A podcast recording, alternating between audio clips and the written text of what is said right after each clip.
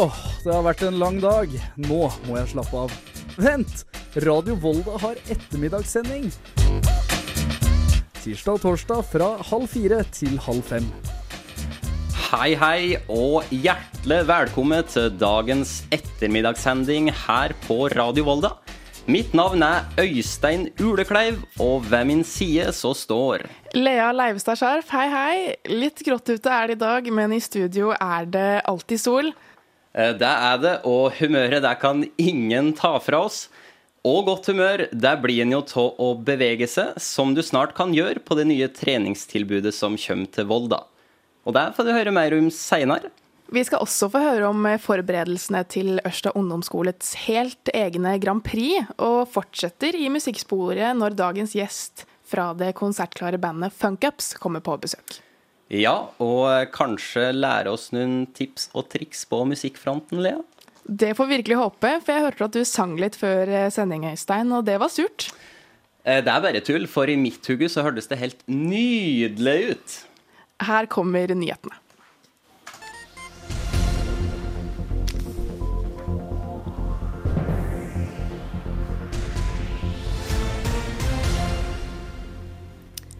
Sunnmøre folkehøgskole ønsker flyktninger fra Ukraina velkomne til skolen, og håper at politikerne i kommunen tar imot så mange som mulig. Så har vi vært i kontakt med kommuner her for å si at vi er positive til å se på et samarbeid eller hjelpe til, enten det er snakk om bosetting eller det er snakk om programskaping, mat, undervisningsbiten i det. Rektor ved Sunnmøre folkehøgskole, Arnt Ole Grimstad, håper kommunen tar imot en stor andel flyktninger. Han tror folkehøgskolene kan være en del av løsningen. Jeg tenker det er både veldig viktig og veldig fint at folkehøgskolene som har internat og romkapasitet, ser at det kan være en mulighet i enten en overgangsperiode eller for mer permanent basis. At vi kan tilby gode fasiliteter for de som eh, kommer hit, eh, og også en slags inkluderende heim. Vi sier ofte at eh, denne skolen er en heim, og denne heimen er en skole. Leder for mangfold og integrering i Ulstein kommune, Lars Erling Bjåstad Hovlid, er positiv til forespørselen, og ser ikke bort ifra et samarbeid. Ja, Folkehøgskolen er en veldig god integreringsarena. Det er på en måte instant integrering. sånn at det tror jeg er en veldig god idé hvis det skulle bli aktuelt. Rektor Grimstad tror spesielt skolen kan gi trygghet til flyktninger i folkehøyskolealder. De kan godt være ei klasse her på SUF, som de andre klassene, og de kan eh, få være en del av oss og en del av aktivitetene og det sosiale på ettermiddagene og kveldene, slik at de ikke bare sitter på et rom en eller annen plass, men blir en del av vår elevgjeng. Ulstein er bedt om å ta imot 135 flyktninger fra staten. Hvor mange flyktninger kommunen skal ta imot, vedtas på kommunestyremøtet i kveld. Reporter i saken var Christian Krystad. Denne uka blei fullfinansieringen av nytt svømmeanlegg i Volda godkjent. Avgjørelsen blei tatt av et enstemmig formannskap. Anleggets kostnader har økt betraktelig siden de første finansieringsplanene ble lagt fram i 2021. Kommunedirektør Rune Sjurgård påpeker at prosjektets størrelse kan ende opp med å påvirke andre kommunale tjenester økonomisk. Et knapt flertall i formannskapet i Volda vedtok denne uka å legge ned kjøkkendrifta ved Hornindal omsorgssenter. I stedet vil maten nå bli laga ved kjøkkenet til omsorgssenteret i Volda og frakta ut til Hornindal. Leder for Stryn og Hornindal pensjonistlag, Kjell Åsmund Nilsen, er meget skuffa over vedtaket. Vi er jo så skuffet over denne avgjørelsen så langt. Alle i bygda her i gamle kommunen syns jo det er veldig trist. Det har jo vært en kjempefin arbeidsplass for eh, jeg vet ikke hvor mange som har jobbet der. eh, Tre-fire arbeidsplasser har i hvert fall vært på det kjøkkenet der i alle år. Nilsen er veldig bekymret over at nedleggelsen kan føre til dårligere matlyst hos beboerne. Tenk bare det du. Åpne dørene og kjenne gode matlukter stige opp i korridorene der. Det skaper jo matlyst. Og den, den forsvinner jo etter hvert når du får denne maten i Jeg vet ikke om det, om det er i plast eller eh, papir, men eh, det er jo ikke det samme. Når vi vet i dags dato, så har jo aldri maten, middagen i hvert fall, blitt bringet av frivillige fra bygda. Hver dag det har vært behov for det. Og hvordan det blir nå, det vet vi ikke. Varaordfører Sverre Leivdal fra Arbeiderpartiet foreslo i formannskapet å opprettholde kjøkkenet i Hornindal. Han forteller at lokal uro og usikkerhet blant de ansatte er hans bakgrunn for forslaget. Han kommer til å fortsette kampen videre frem mot kommunestyret, men erkjenner at det kan bli en tøff kamp. Flere av partiene er jo delt, ser du, så eh, jeg må jo jobbe internt i min gruppe for å få eh, alle mine med. Får vi se om vi klarer det. Og nå er det fire, fire for og fem mot mitt forslag da, i formannskapet. Reporter i saken var Simen Vederhus. Pollensesongen er sakte, men sikkert i gang. Og pollenallergikere i Norge føler at symptomene deres ikke blir tatt på alvor. Hvis en person kommer ja, har brekt foten og kommer på krykker, så får vedkommende automatisk medfølelse. fordi Da ser vi at det er noe som feiler personen. Astma og allergi det er usynlige sykdommer. Det vises ikke at man har de sykdommene. Og det er klart En del av dem som har astma og allergi, kan være veldig dårlig uten at det synes. Sier regionsekretær i Norges astma- og allergiforbund Midt-Norge, Gina Evelyn Strøm. Seks av ti svarer i en undersøkelse gjort av Hugo på vegne av farmasiet at de føler at andre ikke har nok forståelse for hvor ille deres symptomer kan være. Pollenallergi og andre allergier det synes ikke, og da er det også vanskeligere å få aksept for at man er i dårlig form, f.eks. Og nå som or- og hasselpollen har gjort sitt inntog, og bjørkepollen er på vei, har Gina et par tips til hvordan man skal forholde seg til pollenallergikere. Nei, altså Hvis man vet at noen har pollenallergi, så kan man jo være litt overbærende med vedkommende i den perioden det pågår. Og man kan jo være, både bli litt irritabel og trøtt og sliten. Så prøv å vise hensyn og respekt, og prøv å være forståelsesfull. da. Reporter i saken var August Johannes Wernersen. Nyhetene fikk du av Helene Holen.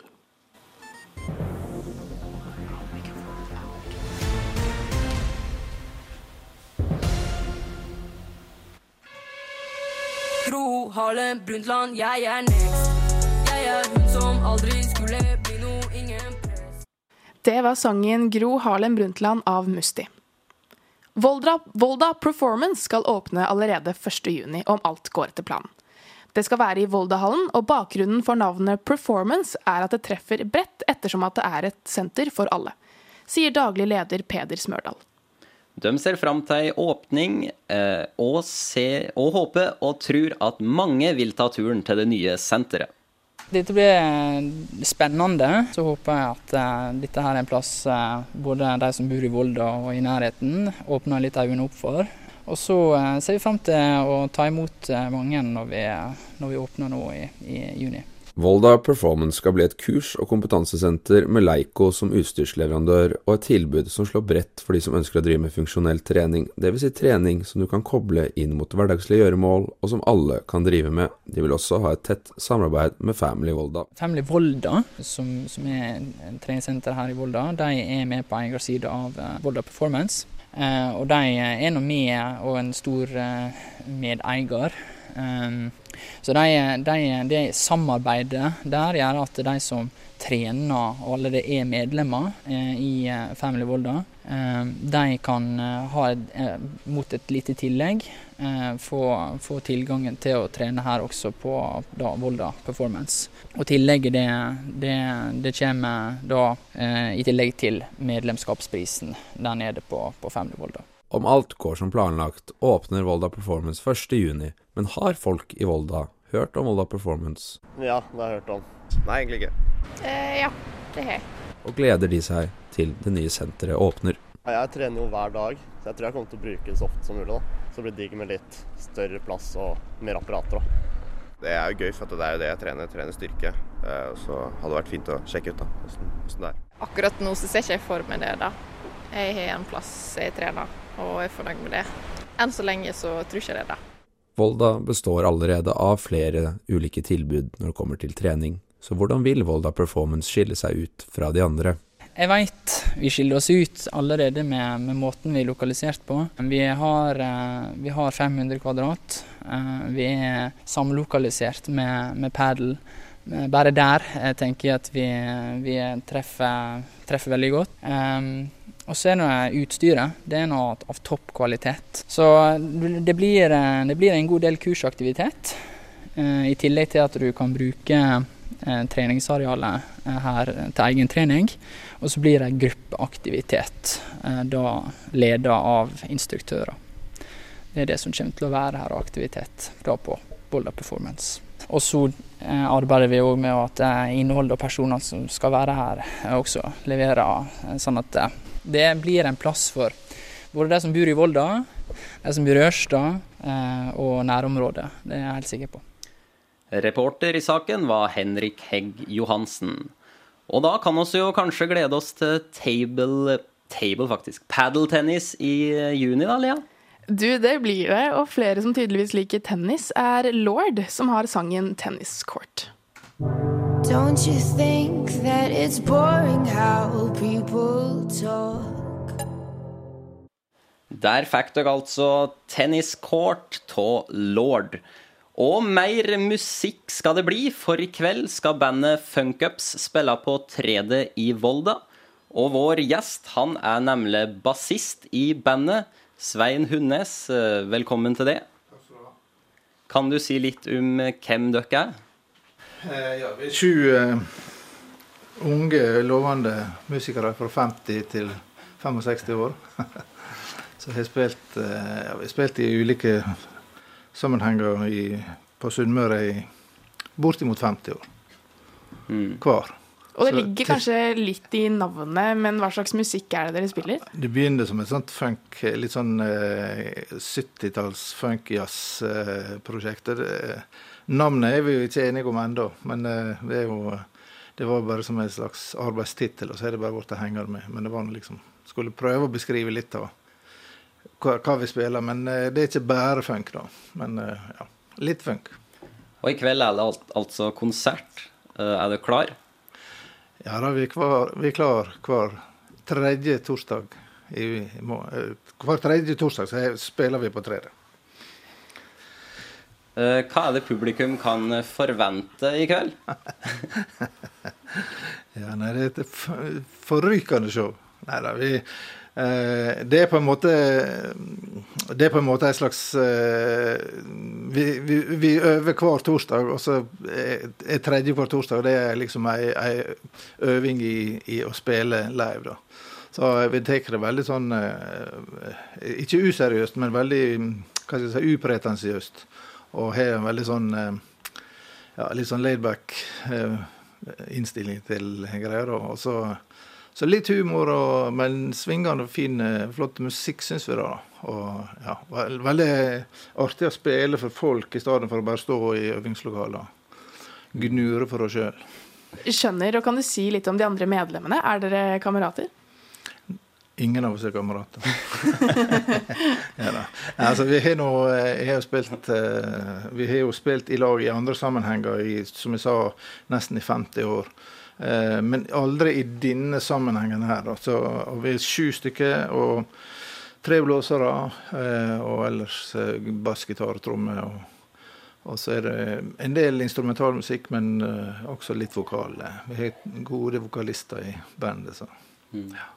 Opptrer dere flere plasser enn på 3D?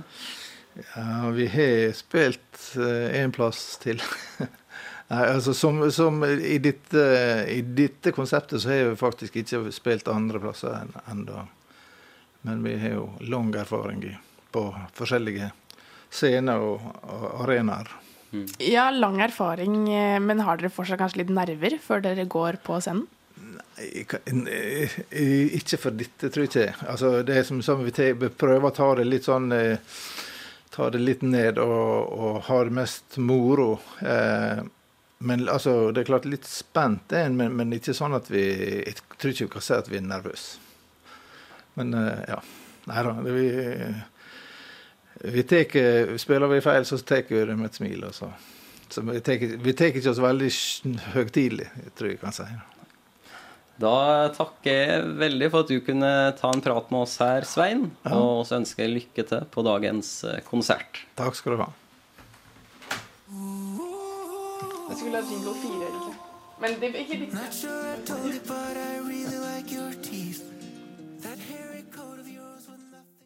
Der fikk du Grand Prix-låten 'Give That Wolf a Banana' av Subwoolfer. Hva er ditt eh, forhold til Grand Prix, Øystein? Du, jeg husker veldig godt at eh, han uh, Rybak med fela si, han vant for en del år siden. Men ellers så må jeg vel si at jeg har ikke fulgt meg sånn altfor mye på, på Grand Prix. Men da får du eh, kanskje sjansen til å høre Ørstads ungdomsskoles helt egne versjon, Ørsta Grand Prix. Tidligere i uka tok vi turen innom skolen for å få en sniktitt på forberedelsene. Ja, men der skal plass til noe. Sånn. Spissen er her. Klasse 9A på Ørsta ungdomsskole øver og øver. De forbereder seg til det skolen kaller Ørsta Grand Prix, der 15 klasser skal konkurrere om å ha det beste shownummeret. Torsdag skal de fremføre foran over 1000 publikummere, og for mange er det aller første gang de står på en scene. Da er det naturlig å kjenne litt på premierenervene. Det er ganske høye. Jeg kan kjenne det litt. Ja, litt. Det er jo litt skummelt, men eh, det fikser seg nok. Mens andre bare gleder seg. Det er egentlig ingen nerver, vi bare gleder oss ganske masse. Ja, det blir sikkert veldig gøy, tror jeg.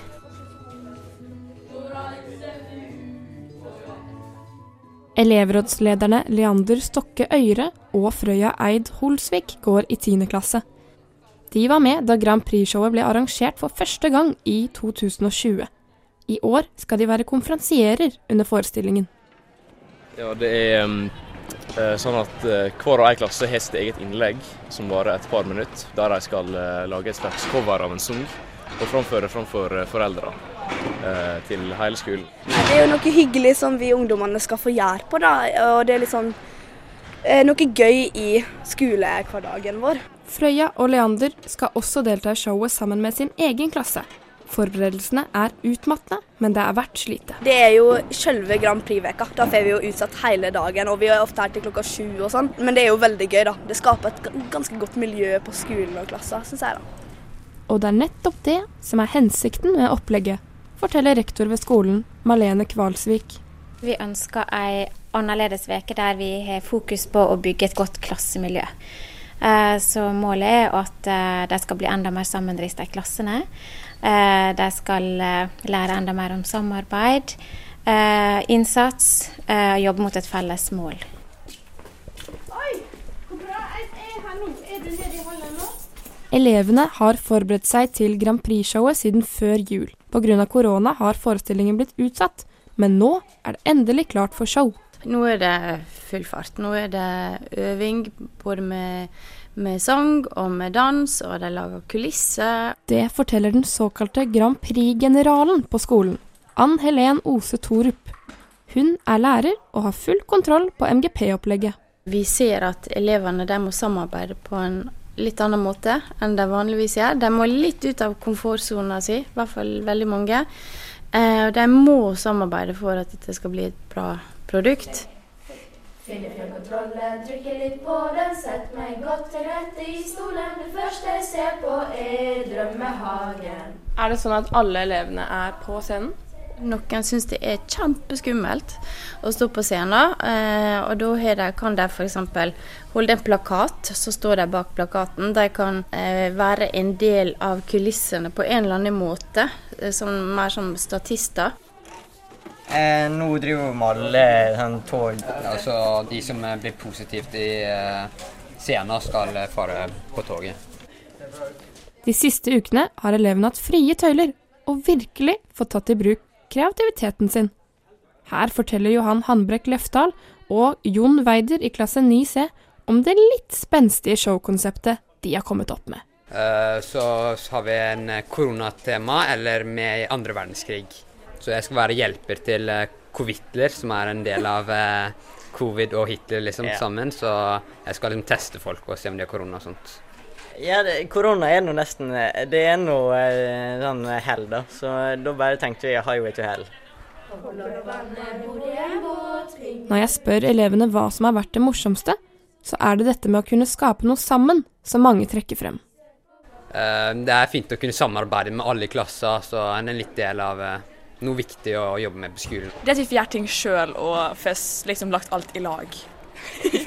Miljø og kompiser å prate med. Så det var litt kjekt. Å være med i klasse og lage danser og sånn. For det er ganske gøy. Og så liksom finne på ting og sånn. De, de fleste er litt sånn OK, dette her gjør vi i lag. Um, når alle står på scenen, og alle klassene skal gjøre det samme, så syns de at det er helt greit, de aller fleste. Selv om det er kjempespennende. Og spennende er det. Tilbake til klasse 9A sitter koreografien bedre og bedre for hver gjennomgang. Still opp til den nå, sånn at alle vet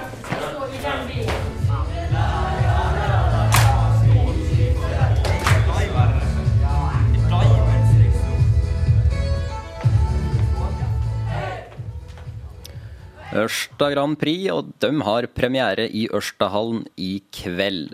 Reporter i saken var Tone Skårseth Rørvik. Og jeg syns at elevene hørtes veldig klare ut for showet.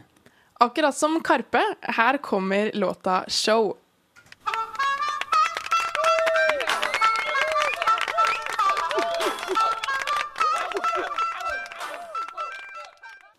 Det var show med Karpe.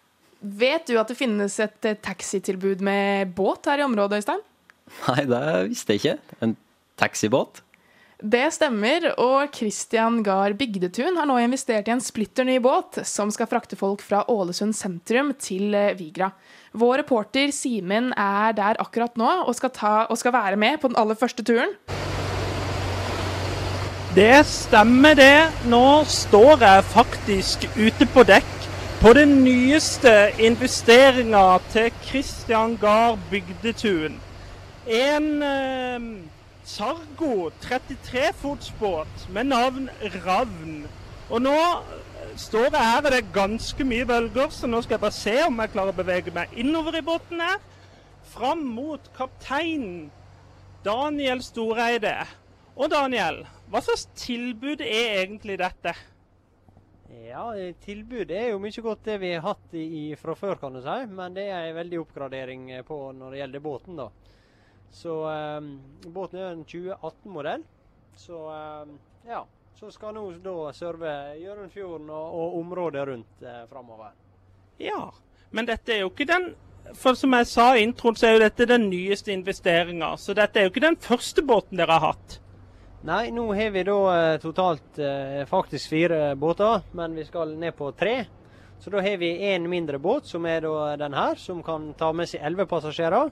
Så har vi to som er litt større, som tar 45 passasjerer. Ja, men hva tenker du at denne nye investeringa vil ha å si for lokalmiljøet i Hjørundfjorden? Nei, det er jo ei, oppgradering sånn sett. Tilbudet har jo vært der fra før også, i og med vi hadde en, en eldre båt som var, tok like mange passasjerer. Men, eh, men det blir absolutt videreført, da, kan du si, tilbudet som, som er i dag. Og, ja.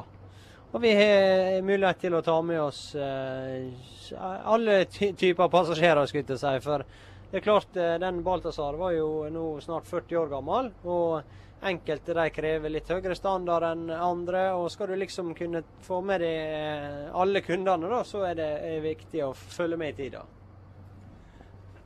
Men denne båten, hva er det egentlig den har blitt brukt til før dere overtok den? Nei, Båten her har vært brukt nå i en tre-fire år på eller med Miljødirektoratet da, i, i Tromsø. Der en har drevet og dratt sånn ulovlige laksegarn og vært på minkjakt i fuglereservat og, og, litt sånne ting som Miljødirektoratet styrer med. da. Og hvor mange er det du har eh, plass til her nå, da? Eh, båten har, lov å ha med seg elleve passasjerer, men eh, sånn komfortabelt innvendig, i hvert fall på lengre turer, så er det åtte passasjerer. da. Og for å beskrive litt hvordan det ser ut her Vi snakka jo litt før vi gikk på her, Daniel. Og eh, det ser jo litt ut som en campingvogn på havet. Ja, det kan han, eh, kan han godt si. Da, for her er jo, eh, det er jo utrusta som en turbåt eh, sånn opprinnelig, kan du si. da, Med to lugarer og toalett og dusj og alt dette her. Og kokemuligheter og, og vann og alt dette her. Og Det er jo noe som vi egentlig ikke har så mye bruk for i det daglige, men det er jo noe som da følger båten. Så vi kunne selvfølgelig i en ja, hadde det vært helt 100 da kan du si, så, så hadde det vært mer sitteplasser i stedet for eh, lugarplass og kokemuligheter. da. Og sånn, Det tenkte jeg jeg skulle spørre om. For det at du er etter hva jeg forsto andre generasjon i dette Kristian Gard bygdetun? Ja, det stemmer. Det var da far og, og mor mi som starta det. Og nå er det da jeg og søstera mi som, som, eh, driver selskapet, og, og, og, jobber der da i lag med ja, stort sett hele resten av familien. Det høres jo veldig spennende ut. Men hva tenker du det har å si for driften deres at dere nå har fått en ny båt? Jeg tror det kommer til å gjøre at vi kommer til å få en god del mer turer, og det vil jo da selvfølgelig slå positivt ut på bedriften. Så bra. Da skal vi ta og gå ut igjen. For nå har Christ Daniel lovt meg at nå skal vi sette opp litt fart. Så med det så sier vi bare skip ohoi!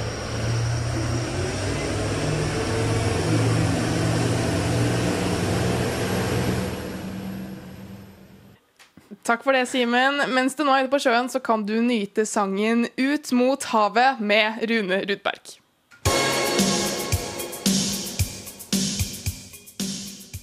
Det var Rune Rudberg med 'Ut mot havet'. Du Lea, er du glad i vin?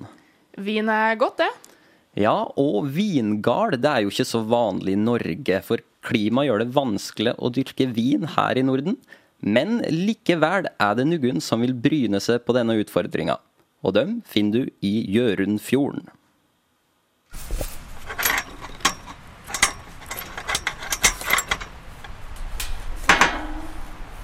Ja, så her ser du altså starten på Haula vingård. Langt inn i Gjørumfjorden, omringa av høye, spisse fjelltopper og bekker med smeltevann fra fjellene, finner vi en av verdens nordligste vingårder Haula vingård på Viddal drives av Nina Viddal, og gården har vært en del av henne hele livet. Det her er familiegården vår, som uh, min pappa kommer fra. Vi reiste hit så, ja, i ferier og i helger og sånn, og besøkte farmor og onklene mine som drev gården. Eh, og gården har vært i familien min i, i 400 år, og jeg kjenner veldig sterkt på den tilhørigheten at her hører jeg til. Men vinproduksjon har det ikke vært på gården før hun tok over i 2015. Med hennes interesse og lidenskap for vin har hun funnet sin måte å bevare familiegården på. Begynte å jobbe i hotell og restaurant da jeg var 15, og var der i veldig veldig mange år. Og da var jo vin en viktig ting. Eh, så Senere så begynte jeg også å jobbe med kaffe. Var med i kaffekonkurranser, var litt dommer i kaffekonkurranser. Så den fascinasjonen for den dyrkinga og den ulike smakene som oppstår, det var det som på en måte har drevet meg. De har liksom begynt så vidt å klatre opp. Det der skal gå bra, men hvis de nå begynner å fondes ut, da er det et problem. Og så har jeg også utdanna meg som sommelier, og driver og holder en del um, smaking av kurs. Um, og da tok jeg det på en måte et steg videre ved å begynne å dyrke. Da. Jeg tenkte jeg måtte bruke markene her til noe, men jeg skulle ikke dyrke gress, for jeg skal ikke ha dyr. Men det å holde på med lidenskapen sin på Viddalen er ikke enkelt. Klimaet i Norge med variert vær er ikke optimalt for å drive vinproduksjon, men det stopper ikke Nina. Det er jo klart at vi er i en marginal sone. Men uh, den sona har på en måte forandra seg og flytta seg i løpet av de siste hva skal vi si, 60 åra iallfall. Um, for I 1960 så var på en måte den ytterste ekstreme grensa for, eh, for vindyrking eh, satt til Geisenheim i Nord-Tyskland.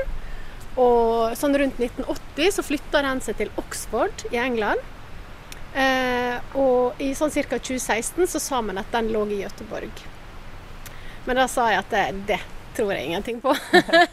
Den ligger her, på to, 62 grader nord. Og selv om hun mener at Haula vingård ligger på den marginale grensa, forklarer hun hvorfor det også er gode dyrkingsforhold på Viddal. Sola eh, betyr veldig mye, eh, men dagslyset vårt betyr også veldig mye. Og, og det er jo litt av det som er det unike her. Da, at vi kan ha, På det lengste så har jo jeg 19 timer med dagslys i løpet av en dag. Eh, på kontinentet og de tradisjonelle vinlandene så har det mye sol, men det blir veldig fort mørkt.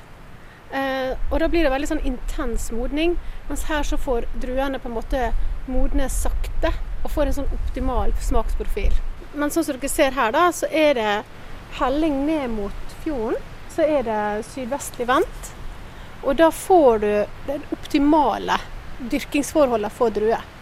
De beste vinmarkene i verden ligger sånn dette her anlagt.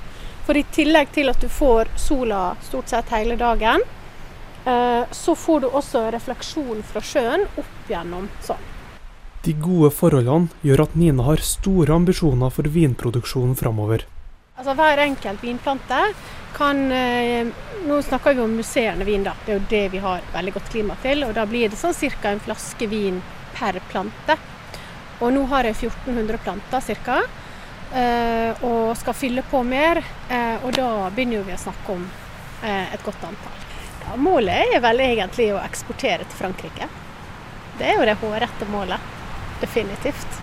Uansett om Nina klarer målet eller ikke, så er det i hvert fall én ting som er sikkert. Hun har kommet for å bli.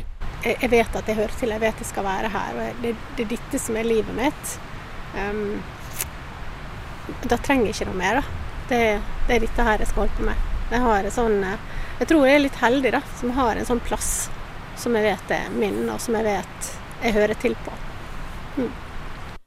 Reporter i saken var Sander Krangsås Dale. Fra en rød vin til en rød sang. Her får du Red av Taylor Swift.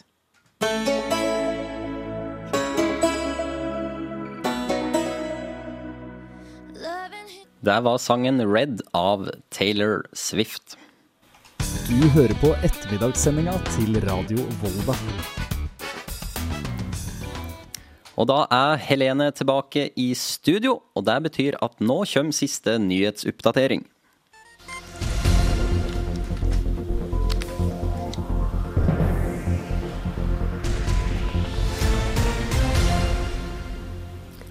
I lys av den pågående Ukraina-krisen har Volda kommune blitt oppfordra om å ta imot mindreårige flyktninger. Volda EMA, mottakssenteret for enslige mindreårige asylsøkere, ble lagt ned over nyttår. Sølvi Dimmen, ordfører i Volda kommune, poengterer at nedleggelsen gjør mottaket utfordrende. Fra nyttår så het ikke med noe EMA. Folk som jobber i EMA, de har fått seg annen type jobber, har flytta fra kommuner. Selve boligen er delvis solgt og delvis utleid, sånn at vi har ikke noe apparat for det i dag. Så det kan bli vanskelig å reetablere på kort varsel. Det som er utfordrende med EMA nå, er at det er et tilbud som Volda har hatt og Det er nok derfor også at vi som den eneste kommunen, i tillegg til Ålesund her i området, har fått forespørsel om det. Men det tilbudet er nedbygd. Det er nedbygd over tid ut fra de signalene som vi har fått nasjonalt. Politiet i Ulstein ga ut fem forenkla forelegg i dag, da det ble gjennomført fartskontroll på fv. 653 Eiksundveien. Høyeste fart som ble målt var 98 km i timen i en 80-sone. Natt til søndag skal klokka stilles en time frem, men denne tradisjonen kan kanskje bli fjerna. I 2018 foreslo EU-kommisjonen å kutte sommertid eller gjøre det frivillig, men pandemien har utsatt konklusjonen. Næringsminister og tidsminister Jan Christian Vestre sier i en pressemelding at Norge kommer til å vente på EU før vi tar stilling til dette, men at det mest sannsynlig vil legge oss på samme linje. Førsteamanuensis i historie ved Høgskolen i Volda, Ola Teige, tror likevel vi vil holde på sommertiden i Norge, selv om ikke alle har full kontroll på hvordan de skal stille klokka. Tilbake? Nei, fram. Klokka skal altså stilles framover, mot sommeren, natt til søndag, noe som kanskje ikke er så veldig rart. I Norge så, så er det jo ganske logisk, for da har man jo lange, lyse somre, og da får man jo mer dagslys og, og mer ut av dagen. Så i Norge så tror jeg det vil vare, mens i andre land hvor det er mindre forskjell mellom natt og dag, så kan det vel hende at de vil liksom fjerne for å være mer, mer effektive og slippe å måtte stille klokkene to ganger i året. Alle land i EU og EØS kommer til å beholde sommertidordningen fram til EU-kommisjonen konkluderer, med unntak av ett land. Nei, Jeg kommer fra Island, og der, eh, der stilles jo klokka. Syns det er bare tull. Hvorfor skal dere gjøre det? Det begynte vel i, i spesielt rundt første verdenskrig for at man skulle kunne få mer, være mer produktive og arbeide mer. Forklarer Ola Teige. Men selv om vi har stilt klokka i mange år, er det fortsatt noen som ikke helt har skjønt konseptet. Som jeg sa, Tidene fungerer igjen. Jeg tenker ikke over det hele tatt lenger. Skal Vi se, vi var vel pluss én, så vi går til pluss to. Central Europe time, liksom eh, sommertid slash vintertid. Er ikke sånn det fungerer? Det er ikke helt sånn det er, for klokka skal bare stilles én time frem på søndag. Reporter i saken var Borghild Kvæven. Og nyhetene dem fikk du av Helene Gjelseth Holen.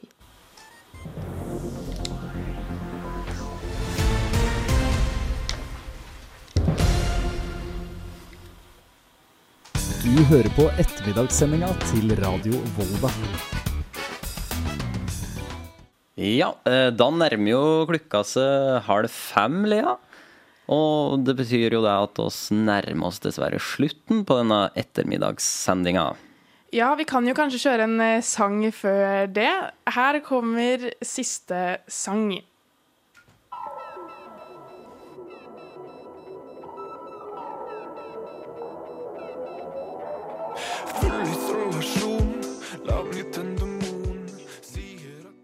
Der fikk du altså siste gang av verdensrommet, og ikke siste sang. Da vil vi gjerne takke for eh, følget. Produsent var Jenny Nerhold, og ansvarlig redaktør er Charlotte Loxley Helland. I studio har du hørt meg, Lea Leivestad Scharf. Og med Øystein Ulekleiv. Tusen hjertelig takk for oss. Nei.